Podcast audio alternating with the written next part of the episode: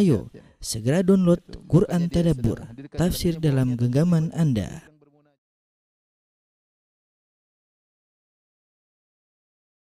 Bismillahirrahmanirrahim. Assalamualaikum warahmatullahi wabarakatuh. Alhamdulillahi ala ihsanih wa syukru lahu ala taufiqihi wa amtinanih wa asyhadu an la ilaha illallah wahdahu la syarika lahu ta'ziman li sya'nih wa asyhadu anna Muhammadan abduhu wa rasuluhu da'ila ridwanih Allahumma salli alaihi wa ala alihi wa ashabi wa ikhwani. Para ikhwan dan akhwat bapak ibu yang dirahmati oleh Allah Subhanahu wa taala eh, kita lanjutkan pembahasan kita dari tafsir juz amma dan insyaallah pada kesempatan bahagia ini kita akan bahas tafsir surat Al-Falaq dan surat An-Nas ya. Surat ke-113 dan surat 114 yang terakhir yaitu An-Nas ya. Uh,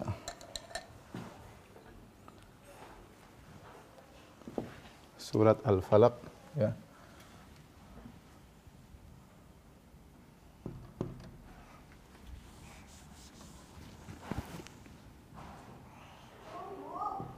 Al-Falaq dan An-Nas. Kedua surat ini ya disebut dikenal dengan Al-Muawwidzatain. Al-Muawwidzatani atau Al-Muawwidza Widatani atau ma'widhatain yang artinya dua pelindung ya. ya. Karena dua surat ini disebutkan dalam sebagian riwayat bahwasanya dua surat ini turun ketika Nabi Shallallahu alaihi wasallam disihir oleh uh, seorang Yahudi yang bernama Labid al-A'sam al-Yahudi.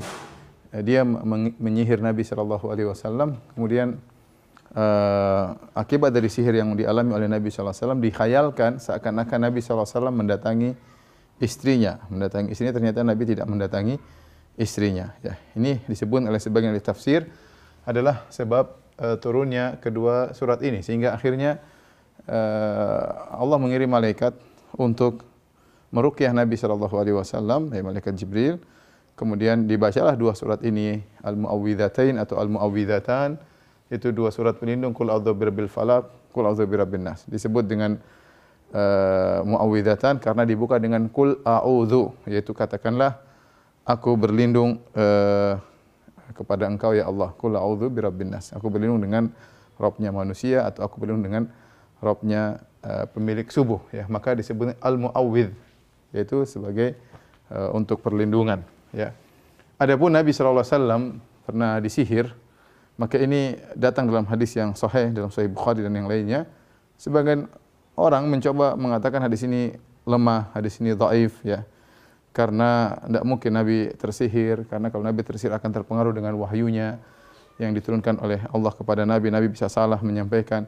Jawabannya tidak. Sihir yang dialami oleh Nabi SAW tidak ada kaitannya dengan wahyu, tapi dia semacam penyakit pengkhayalan bagi Nabi SAW Seakan-akan Nabi mendatangi istrinya ternyata ternyata tidak. Dan ini juga pernah dialami oleh Nabi Musa alaihissalam. Ketika Nabi Musa alaihissalam berduel dengan para penyihir Firaun, ya mereka melemparkan tongkat-tongkat mereka dan tali-tali mereka tiba-tiba berubah menjadi ular. Kata Allah Subhanahu wa taala, ya yukhayyalu ilaihi min sihrihim annaha tas'a fa awjasa fi nafsihi khifatan Musa. Qulna la takhaf innaka antal a'la. Ya, ketika mereka melemparkan tali-tali mereka, tongkat-tongkat mereka kata Allah, ya tiba-tiba menjadi ular yang jauh bi azim. Mereka datang dengan sihir yang hebat sehingga dihayalkan kepada Musa bahwasanya ular tersebut bergerak. Akibatnya apa? Nabi Musa tersihir. Fa'aujasa fi nafsi khifatan Musa. Nabi Musa ketakutan. Allah berkata kulna la takhaf jangan kau takut. Berarti Nabi Musa tersihir tapi sihir tersebut tidak ada pengaruhnya tentang wahyu Allah kepada Nabi Musa. Ya tetap yang disampaikan oleh Allah kepada Nabi Musa Taurat tidak akan bisa terganggu. Demikian juga sihir yang dialami oleh Nabi Shallallahu Alaihi Wasallam bukan sihir yang pengaruhi wahyu yang Allah wahyukan Al-Quran kepada Nabi Shallallahu Alaihi Wasallam. Oleh karena sihir tersebut seperti penyakit yang dialami oleh Nabi. Ya, akhirnya Nabi sering dihayalkan telah mendatangi menggauli istrinya ternyata tidak sampai akhirnya uh, dilepaskan ya dengan di antaranya diketemukan apa namanya uh, buhulnya di dalam sebuah sumur tua kemudian dikeluarkan Kemudian Nabi juga diruqyah oleh malaikat Jibril alaihissalam dengan baca surat Qul a'udzu birabbil falaq, Qul a'udzu birabbin nas. Oleh karenanya dua surat ini di antara dua surat yang ampuh ya. Ini surat ampuh untuk ruqyah. Ya, surat ampuh ya untuk ruqyah. Kita tahu ruqyah boleh ya. Dan ruqyah uh, sangat diperlukan terutama di tanah air kita yang masih banyak dukun yang berkeliaran bahkan dihormati ya. Dan yang lainnya ya. Taib uh, surat ini disebut dengan surat Madaniyah. Surat Madaniyah itu surat yang turun di kota Madinah ya. Ya setelah Nabi berhijrah. Sekarang kita bahas yang pertama adalah kul uh, al-falaq ya. Taib al-falaq Allah Subhanahu wa taala berfirman Qul a'udzu birabbil falaq min syarri ma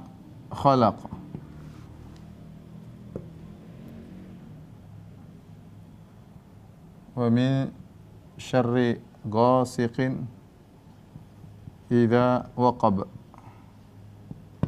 wa min syarri nafatsati fil uqad wa min syarri nifasat. Kita mulai dulu sini. Kata Allah, "Qul a'udzu birabbil falaq." Katakanlah aku berlindung kepada pemilik al-falak. Katakanlah wahai Muhammad Wahai Muhammad atau wahai Nabi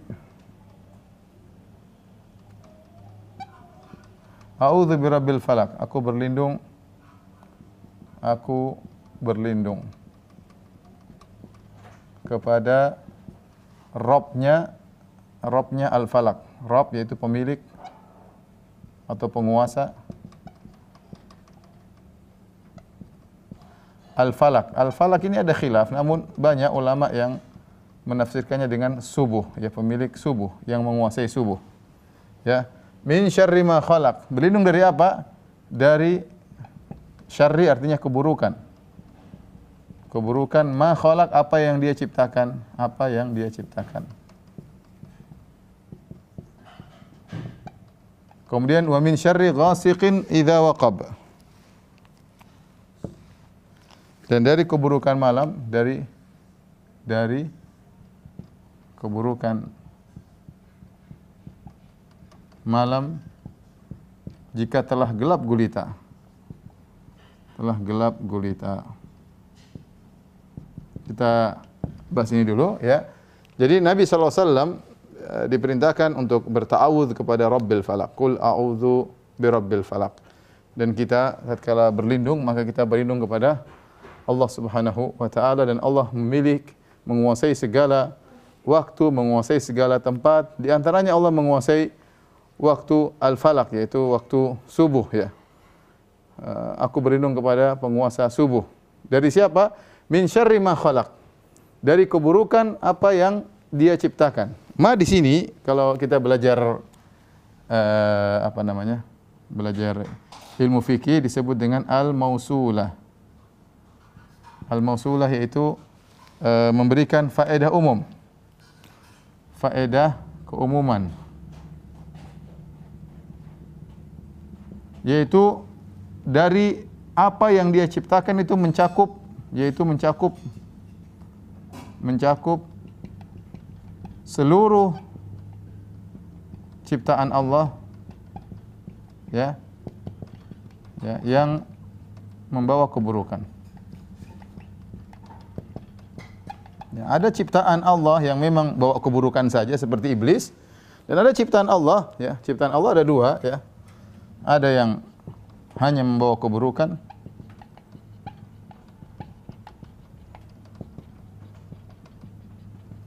Seperti siapa? Seperti iblis, ya, setan. Ya. Ada yang ya atau dominasinya keburukan, penjahat, perampok dan yang lainnya. Ada yang eh, terkadang terkadang membawa keburukan.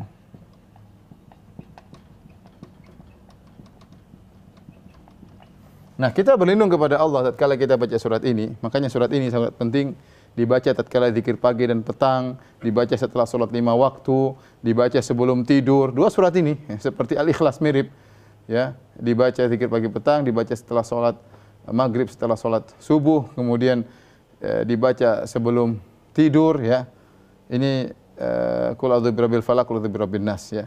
Jadi kita berlindung kepada Allah dari apa pun keburukan apa pun yang dia ciptakan. Karena makhluk Allah itu ini ada dua, ada yang memang bawa keburukan saja, iblis, syaitan atau yang dominasinya keburukan, perampok, penjahat dan yang lainnya. ada yang terkadang membawa keburukan. Dan ini terkadang mencakup orang dekat kita, ya. Terkadang mencakup orang dekat kita. Terkadang ya mencakup orang dekat kita. Contohnya siapa?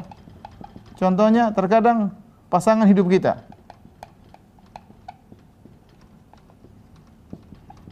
Terkadang anak-anak kita. Kata Allah Subhanahu wa taala, "Innama amwalukum wa auladukum fitnah." Sungguhnya anak-anak kalian harta kalian fitnah. Terkadang anak-anak jadi fitnah. Sumber keburukan. Keburukan bagaimana menjadikan seorang saking cintanya kepada anaknya akhirnya dia mungkin lalai beribadah atau karena saking sayang kepada anaknya terkadang dia harus melakukan yang haram, mencari nafkah dengan cara yang haram demi menyenangkan anaknya dan yang lainnya. Ya. Terkadang istri kita ya Inna min azwajikum wa auladikum aduwwan lakum fahdharuhum. Kata Allah, wahai orang beriman, sungguhnya di antara istri-istri kalian dan anak-anak kalian adalah musuh bagi kalian, maka waspada.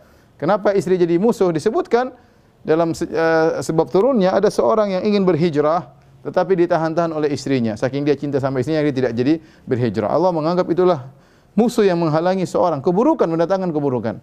Oleh karena kalau kita berdoa dengan doa ini, ya terkadang kalau istri kita memiliki keburukan atau suami kita memiliki keburukan, kita berharap kita lindungi oleh Allah Subhanahu wa taala. Karena orang baik terkadang dia punya potensi melakukan keburukan. Bahkan terkadang orang dekat kita terkadang keluarga kita sendiri, terkadang istri kita, terkadang suami kita ya. Ya. Betapa banyak saya sering sampaikan lelaki yang akhirnya eh, menjadi pelit ya gara-gara istrinya yang mengajari pelit. Betapa banyak suami yang akhirnya durhaka kepada orang tuanya yang mengajari adalah istrinya. Sebaliknya ada sebagian orang lelaki yang menjadi sangat dermawan karena istrinya dan ada sebagian lelaki yang sangat berbakti kepada orang tuanya karena istrinya. Jadi kita berlindung dari keburukan apa yang Allah ciptakan ya baik orang terdekat maupun yang jauh dan sekarang banyak keburukan ya. Banyak keburukan kita berlindung. Ya, umum. Kemudian mencari ghasiqin idza waqab dan dari keburukan malam ketika telah gelap gulita. Kenapa disebut secara khusus malam? Ya, malam kata para ulama karena karena banyak kejahatan banyak kejahatan terjadi di malam hari.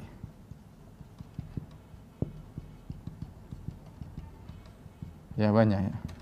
Banyak. Sihir, perampokan, ya banyak ya. Misalnya sihir, ya. Apalagi perampokan. Tentu di siang hari juga ada, tapi sering di malam hari. Kemudian apa perzinahan, ya. dugem, ya, ya dan lain-lain ya. Narkoba dan lain-lain kebanyakannya di di malam hari. Ya. Taib. Setelah itu, ya oleh karenanya dikhususkan penyebutannya karena banyak kejadian terjadi di malam hari. Setelah itu Allah berfirman,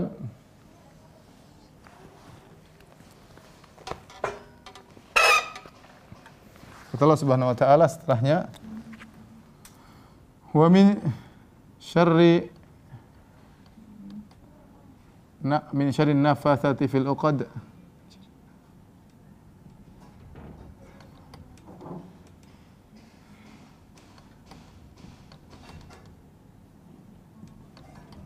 wa min syarri hasidin idza hasad.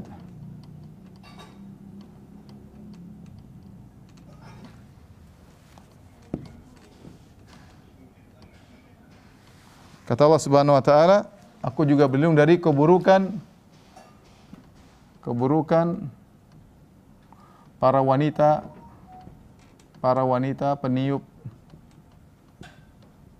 peniup di buhul-buhul buhul-buhul untuk sihir dan dari dan dari keburukan orang yang hasad.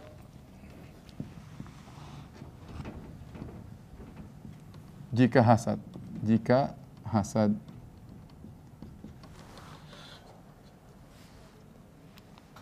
Taib ini perhatikan.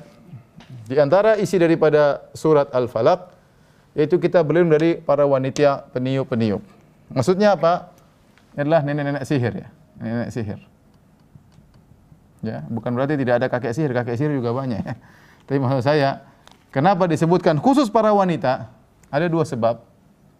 Para wanita, kata para ulama zaman itu, kenapa wanita? Ada dua sebab, dua sebab.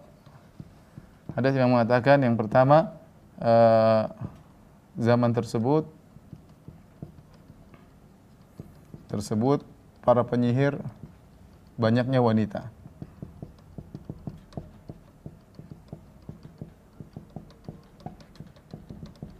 Banyaknya wanita. Yang kedua, sihir yang paling ampuh ya adalah sihir penyihir wanita.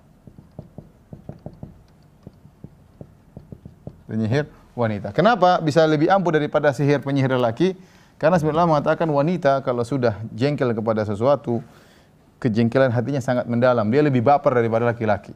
Sehingga tatkala dia berinteraksi dengan syaitan, benar-benar jiwa jahatnya sangat keluar luar biasa.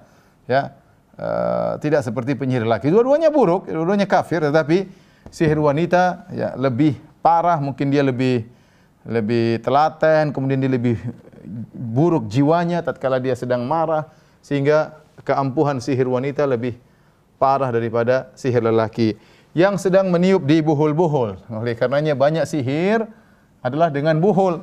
Makanya seperti bagaimana saya sebutkan tadi kisah Nabi wasallam ketika tersihir maka Nabi diberitahu tentang lokasi buhulnya yaitu ditanam di sebuah batu di dalam sumur yang tua maka dikeluarkan buhul tersebut ya. Jika seorang bisa menemukan buhul sihir maka ini sangat membantu untuk menghilangkan sihir. Kemudian uh, doa tersebut di antaranya wa min syarri hasidin idza hasad dan dari keburukan orang yang hasad ketika sedang hasad. Ya.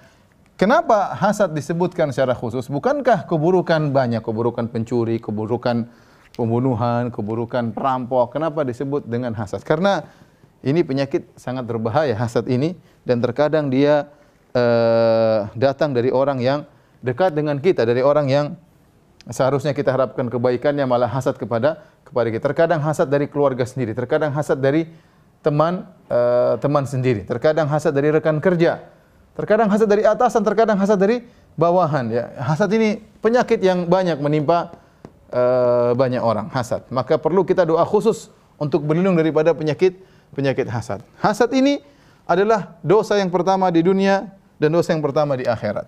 Dialah uh, dosa pertama di langit, dosa pertama bukan di akhirat, pertama di langit dan dosa pertama di dunia.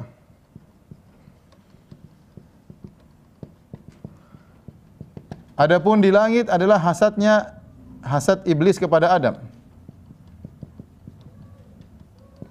alaihissalam. Adapun di dunia adalah hasadnya Kabil kepada Habil. Kepada Habil. Atau anak-anak Adam. Nama-namanya belum tentu Kabil dan Habil, tapi antara dua anak Adam yang saling hasad. Uh, adapun dosa pertama hasadnya iblis kepada Adam. Ini sudah kita jelaskan dalam kisah Nabi Adam alaihissalam dalam ceramah yang panjang. Intinya iblis dahulu pendapat mayoritas ulama dia adalah adalah jin yang baik, jin yang soleh, yang punya ilmu. Sampai-sampai saking solehnya iblis, saking punya ilmu, dia sering gaulnya sama level malaikat. Sehingga dia sering sama malaikat, ya iblis. Tiba-tiba Allah Subhanahu wa taala ciptakan Adam, pendatang baru yang uh, Allah berikan kemuliaan di antaranya Allah ajarkan dia wa 'allama Adam al-asma'a Allah memberikan dia ajaran tentang nama-nama seluruh benda. Kemudian Allah menciptakan dia dengan dua tangan Allah Subhanahu uh, wa taala. Kemudian Allah menyuruh malaikat dan iblis sujud kepada Adam. Tiba-tiba Allah muliakan Adam. Ya. Dan ini tidak bisa diterima oleh iblis. Iblis jengkel, kenapa ada pendatang baru kemudian mulia bahkan kita disuruh sujud kepada Adam, maka dia pun disuruh sujud oleh Allah kepada Adam, dia protes, dia mengatakan ana khairun minhu, aku lebih baik daripada dia. Khalaqtani min nar wa khalaqtahu min tin. Kau ciptakan aku dari api, kau ciptakan dia dari tanah sehingga dosa pertama di langit gara-gara hasad. Dosa pertama di dunia adalah Qabil dan Habil. Kata Allah Subhanahu wa taala, "Watlu alaihim naba abani Adam bil haqqi id qarraba qurbanan fatuqabbala min ahadi wa lam yataqabbal min akhar qala la aqtulannak." Dan ceritakanlah kepada mereka tentang kisah dua anak Adam. Sama-sama memberikan korban kepada Allah dan diterima dari salah satu dan Allah tidak terima dari yang lainnya. Yang lainnya ketika tidak diterima korbannya dia hasad. Dia mengatakan, "La aqtulannak, aku akan bunuh engkau." Perhatikan sini. Ini kalau kita lihat hasad antara anak Adam ini hasad antara hasad ya antara kakak dan adik. dan adik. Kemudian yang berujung pada pembunuhan. Pada pembunuhan. Dan ini bahayanya hasad. Hasad ini mengantarkan kepada eh, musibah-musibah uh, yang lain. Contoh lagi, hasad apa? Hasad antara hasad hasadnya saudara-saudara Yusuf alaihissalam, kakak-kakaknya Yusuf ya, mengantarkan kepada Yusuf, mengantarkan membuang Yusuf. Jadi maksud saya, saya ketika bicara hasad, hasad ini terkadang bukan berbicara tentang orang kita dihasati orang jauh, terkadang sama orang dekat, sama kakak sendiri, adik sendiri bisa timbul hasad. Apalagi orang lain yang tidak punya hubungan darah dengan kita. Ya bahkan saya pernah ketemu orang datang kepada saya, Ustadz, uh, dia cerita tentang kakaknya atau adiknya, bahwa, atau istrinya, istrinya, istri saya disihir oleh adiknya atau kakaknya. Saya bilang adik, adiknya benar, iya Ustadz, adiknya sihir dia. Padahal adiknya lulusan pondok. Adiknya tahu nggak yang sihir dia sihir itu syirik? Tahu Ustaz. Subhanallah, saking hasadnya adiknya nekat menyihir kakaknya sendiri padahal adik kakak.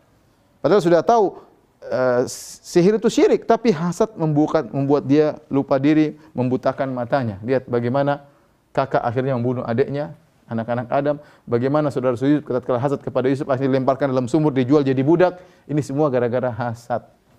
Maka Allah alam inilah kenapa Allah menyebutkan uh, apa namanya secara khusus penyakit ini dan penyakit ini sering menimpa manusia ya. Kita berlindung dari hasadnya orang hasad dan kita berlindung jangan sampai kita hasad sama orang. Ya. Karena hasad terkadang ada orang hasad kepada kita, terkadang kita hasad sama orang. Terkadang sama hasad sama orang. Apa itu hasad? Pengertian hasad. Ini sederhana saja ya, definisi hasad.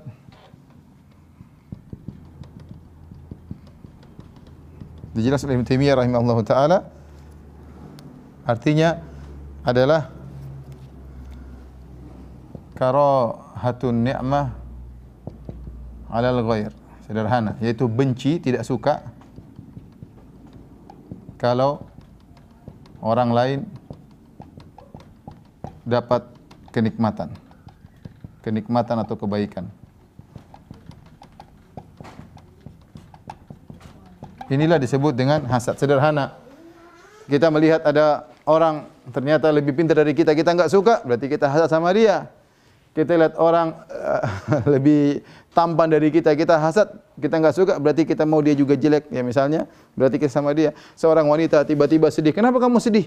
Tadi ada pegawai baru lebih cantik dari saya, sedih. Ya, kenapa hasad kepada yang lebih cantik daripada dia? Maka itu namanya hasad. Lebih parah daripada ini, berharap nikmat tersebut hilang. Sekedar benci saja, sekedar benci tidak suka orang dapat kenikmatan itu hasad. Apalagi kemudian berharap nikmat orang tersebut hilang dari dia. Apalagi dia berharap nikmat tersebut hilang dan dia menggantikannya. Hasad bertingkat-tingkat ya. Maka kita kalau terkena hasad kita tahu kita sedang tingkatan yang mana.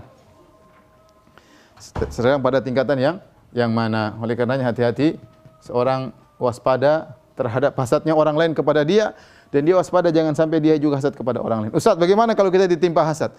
Memang menghindar dari hasad perkara yang susah. Makanya Ibnu Taimiyah rahimahullah taala pernah berkata, "La yakhlu jasadun min hasadin walakinnal karim yubdih wal laim uh, walakinnal karim yukhfi wal yubdih." Tidak ada satu jasad yang kosong daripada hasad. Hampir semua kita pernah berhasad, terutama hasad pada yang selevel dengan kita ya sama-sama pegawai, sama-sama tukang becak, kasat dengan tukang becak yang lainnya, sama-sama dokter, sama-sama pejabat, sama-sama pemain partai, sama, ah, semua hasad selevel-level ya. Tidak ada tukang becak di depan toko besar, kemudian dia hasad kepada pemilik toko. Tidak, dia hasadnya sama tukang becak. Jadi biasanya hasad itu selevel. Nah, kalau timbul hasad, kata Ibnu Taimiyah rahimahullah taala, orang yang baik dia akan berusaha menyimpan. Adapun orang yang buruk dia akan menampakkannya. Nah, kalau kita rasa diri kita terkena hasad, maka jangan sampai kita ucapkan kata-kata tersebut, kita mencela orang tersebut hati-hati. Ya, kita berbuat zalim sama orang lain, apalagi kita bertindak, jangan sampai kita berbuat zalim sama orang tapi kita lawan perasaan tersebut. Jangan kita ungkapkan kalau perlu kita kasih hadiah kepada orang yang kita hasati, kalau perlu kita puji-puji kebaikan dia agar kita melawan hasad tersebut dari hati kita. Ini uh, para yang dirahmati Allah Subhanahu wa taala berkaitan dengan surat Al-Falaq. Insyaallah di sini kita lanjut surat An-Nas. Tapi para pemirsa yang dirahmati Allah Subhanahu wa taala, kita lanjutkan pada surat kedua, surat An-Nas.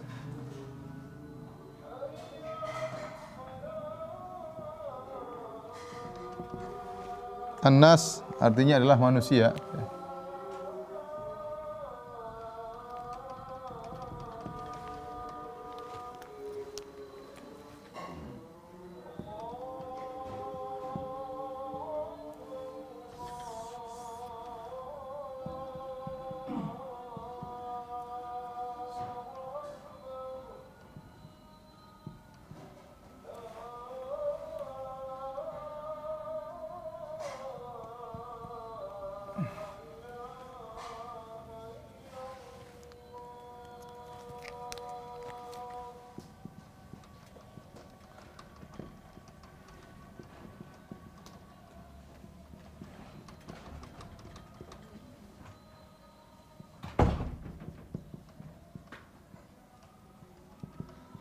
Katakanlah wahai Muhammad, A'udzu birabbin nas. Aku berlindung kepada Rabb manusia.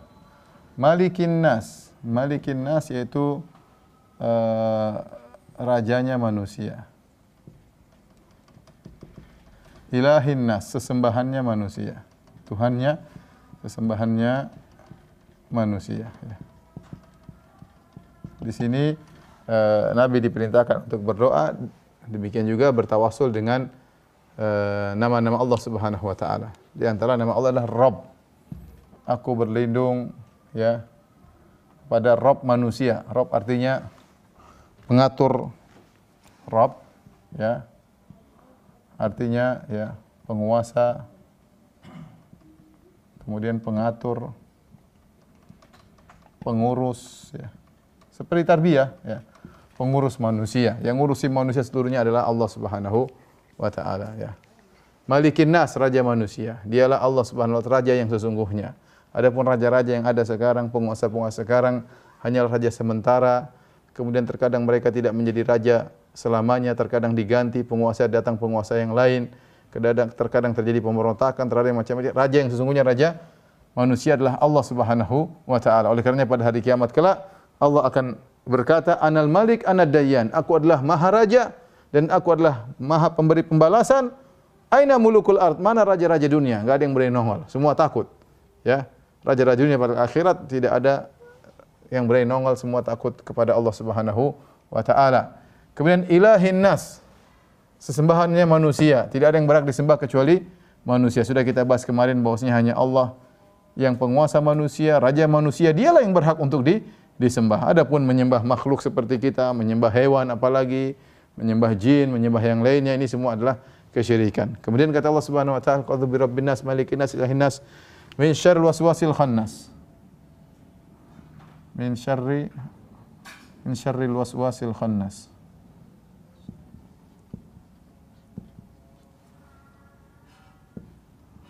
Alladhi yuwaswisu fi sudurin nas minal jinnati wan nas. Taib Allah SWT berfirman dari keburukan dari keburukan syar artinya keburukan al wiswas yang suka berwas-was yang suka memberi was-was. Memberi was-was itu bisikan-bisikan. Kurang bisikan-bisikan Khannas yaitu dat roja datang dan pergi yang suka kembali. Khannas artinya yang suka kembali. Alladhi yang yuwaswisu fi surin nas yang membisik-bisik di dada di dada-dada manusia. Dari jin dan manusia, dari jin dan manusia. Baik, perhatikan di sini. Uh, setelah berdoa dengan bertawassul, ya Allah, aku berlindung kepada Rob manusia, rajanya manusia, sesembahan manusia. Dari apa berlindung? Min syarril waswasil waswasil khannas. Waswasil khannas ini syaitan ya. Syaitan yang suka memberi waswas dan khannas artinya suka kembali. Apa maksudnya suka kembali? Dia tidak pernah putus asa, yaitu setan tidak putus asa. Setan dat selalu kembali. Setan datang dan pergi. dan pergi ya. Selalu kembali. Ya. Tidak pernah lelah. Tidak pernah putus asa. Tidak pernah ya. Uh, tidak pernah putus asa selalu. Ya. Bolak-balik, bolak-balik. Oleh karenanya, contoh dalam satu hadis kata Nabi SAW, jika dikumandangkan azan, maka setan akan kabur. Walahu dhurat, sambil kabur, sambil terkentut-kentut dengan suara kentut yang besar, agar dia tidak mendengar azan. Setelah azan selesai, dia balik lagi menggoda. Begitu diukumatkan salat, ya. Allah Akbar, Allah Akbar, syahadu la ilaha illallah, syahadu anna Muhammad Rasulullah, kabur lagi. Dia enggak kuat dengar azan. Setelah komat selesai, dia balik lagi. Apa yang dia lakukan? maka dia datang kepada orang-orang yang sedang sholat. Kemudian dia mengatakan, uzkur kada, uzkur kada, uzkur kada. Ingat ini, ingat itu, ingat ini. Orang yang sedang sholat, tidak mau dibiarkan. Dibuat terganggu. Pikiran ke mana-mana tentang dunia, tentang pekerjaan, tentang istri, tentang anak-anak, tentang utang piutang, barang hilang, tiba-tiba ingat dalam sholat. Kenapa? Dia kembali dan dia bisik-bisik. Orang tadi barang lupa taruh di mana? Tahu-tahu Allahu Akbar. Barangmu di sana. Barang, uh jadi ingat. Ketemu barang hilang tatkala sedang apa? Sedang sholat. Ya. Baru ingat, oh iya tadi saya belum tanda tangan. Ingatnya kapan? Tatkala sholat. Oh iya saya belum nagih utang si fulan. Kapan ingatnya? Tatkala sedang sholat. Dia pergi dan untuk kembali. Bukan pergi selama-lamanya syaitan. Dia pergi untuk kembali. Maka disebut dengan al-khannas, yaitu pergi dan kembali. Ini bahayanya sifatnya syaitan. Kemudian perhatikan, dia wiswas sering memberi wiswas sering memberi bisikan-bisikan. Syaitan tatkala menggoda, perhatikan sini. Dimulai dengan bisikan-bisikan. Kata Ibnu Qayyim rahimahullah taala, godaan syaitan godaan syaitan dimulai dengan bisikan-bisikan. Pertama, bisikan-bisikan. Bisikan-bisikan. Tadinya manusia tidak berpikir apa pun, misalnya tentang maksiat. Dia ingin menjelaskan, menjerumuskan dalam maksiat. Caranya gimana? Dia bisik-bisikan tentang masjid. Tadinya tidak kepikiran, datang setan ngajarin. Ini lezat, ini nikmat, ini maksiat. Mulai dia berpikir. Manusia terbawa tanpa sengaja, setan mulai mikir. Ya, sampai akhirnya dari bisikan-bisikan tersebut muncul yang kedua namanya iradah, kehendak. Tiba-tiba terbetik hatinya manusia setelah dibisik-bisik oleh setan berkehendak. Itu awalnya maksiat. Ya. Bagaimana orang terjerumus dalam zina? bisikin dulu ya tentang ini kecantikan yang lainnya. Kehendak pengen lihat, pengen lihat. Ketika sudah berkehendak, setan terus membisik-bisik menghiasi. Setan menghiasi ya menghiasi kemaksiatan. Ya. Di antara cara menghiasi kemaksiatan apa? Menggambarkan tentang kelezatannya, menggambarkan tentang kelezatannya, dengan berlebihan berlebih-lebihan? Dengan berlebih-lebihan? Kemudian membuat lupa manusia dari akibatnya?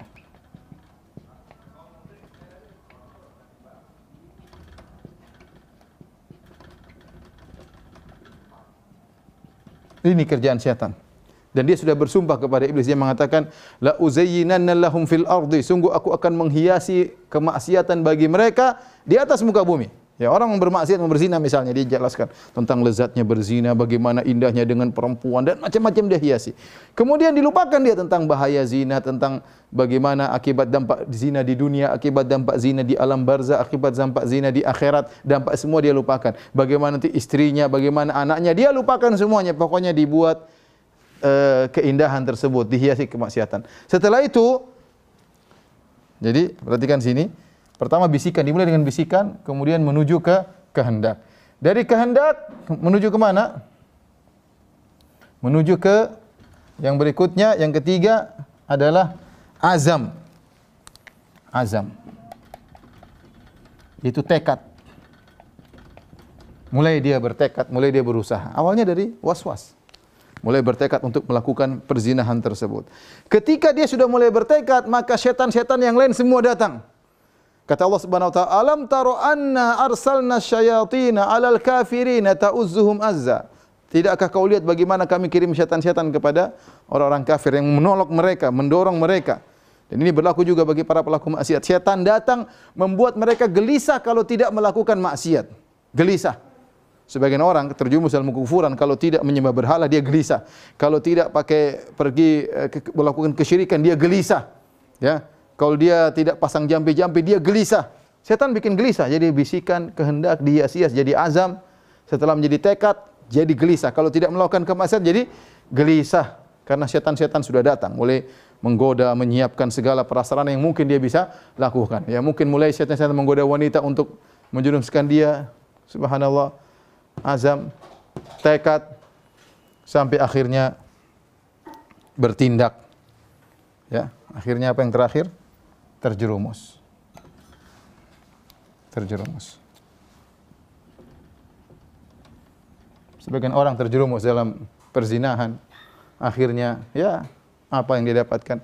Kelezatan cuma sesaat, berzina dengan seorang wanita, dampaknya buruk, rumah tangganya hancur, anak-anaknya berantakan, kelezatan tersebut tidak selamanya, kebahagiaan dicabut dari Allah Subhanahu wa taala, belum musibah di alam barzah, belum musibah di akhirat dan itu yang dikendaki oleh syaitan. Dimulai dari apa? Para pemirsa yang dirahmati oleh Subhanahu wa taala dari bisikan-bisikan. Ini hati-hati. Makanya kalau kita sudah mulai rasakan ada bisikan-bisikan langsung qul a'udzu birabbin nas, malikin nas, ilahin nas, min syarril waswasil khannas, alladzi yuwaswisu fi sudurin nas, minal jinnati wan nas. Taib. Apa maksudnya minal jinnati wan nas? Itu maksudnya apa? Dari golongan manusia dan jin. Ada dua pendapat di kalangan para ahli tafsir. Ya, ada maksudnya uh, di antaranya yang dimaksud adalah yang dibisiki, ya. Ini maksudnya kembali kepada yang dibisiki. Maksudnya setan-setan itu menggoda manusia yang yang digoda tersebut ada manusia, ada jin. Jadi menunjukkan ada jin baik, ada jin jahat.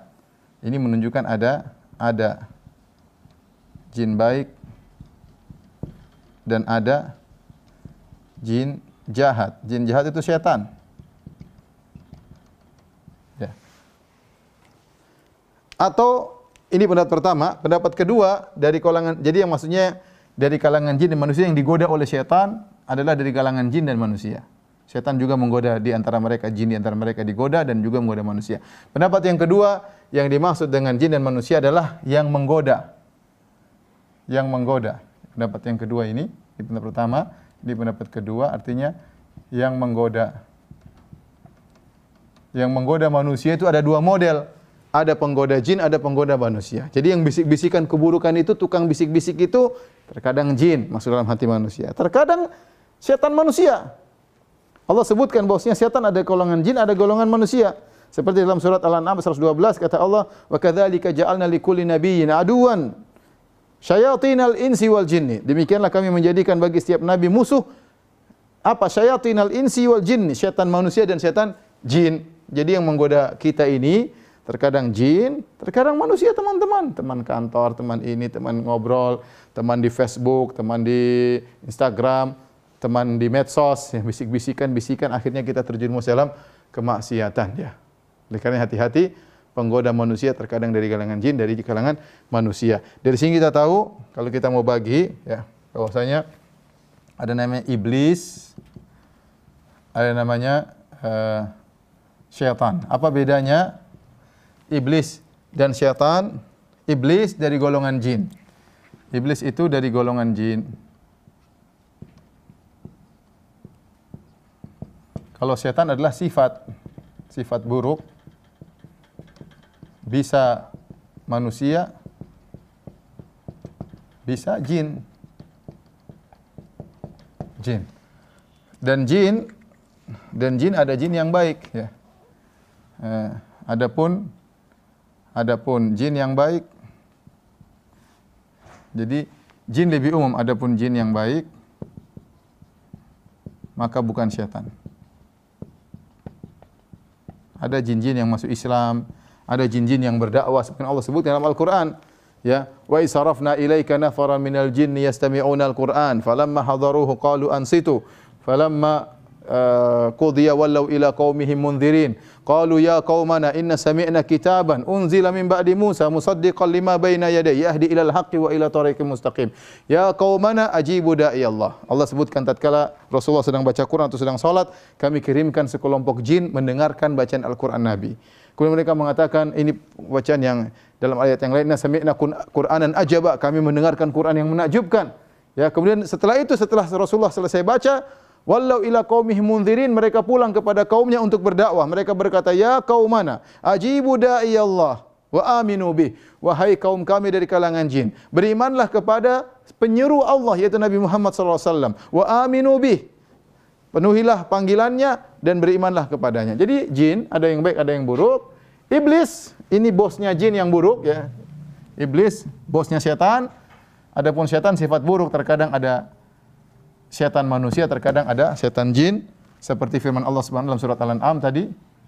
Uh, surat Al-An'am ayat 112 kata Allah Subhanahu wa taala wa kadzalika ja'alna likulli nabiyyin aduwan. Aduwan syaya tinil insi wal jinni. Demikianlah kami menjadikan bagi setiap nabi musuh berupa syayatinil insi wal jin, syaitan jin dan syaitan manusia. Baik, demikian saja uh, para pemirsa yang dirahmati Allah Subhanahu sedikit yang bisa kita sampaikan tafsir singkat dari surat uh, Al-Falaq dan An-Nas. Demikian saja semoga teman-teman selalu semangat menuntut ilmu ya karena ini bekal buat kita di dunia dan di akhirat dan semoga kita sama-sama bisa istiqamah. Demikian wabillahi taufik. Assalamualaikum warahmatullahi wabarakatuh.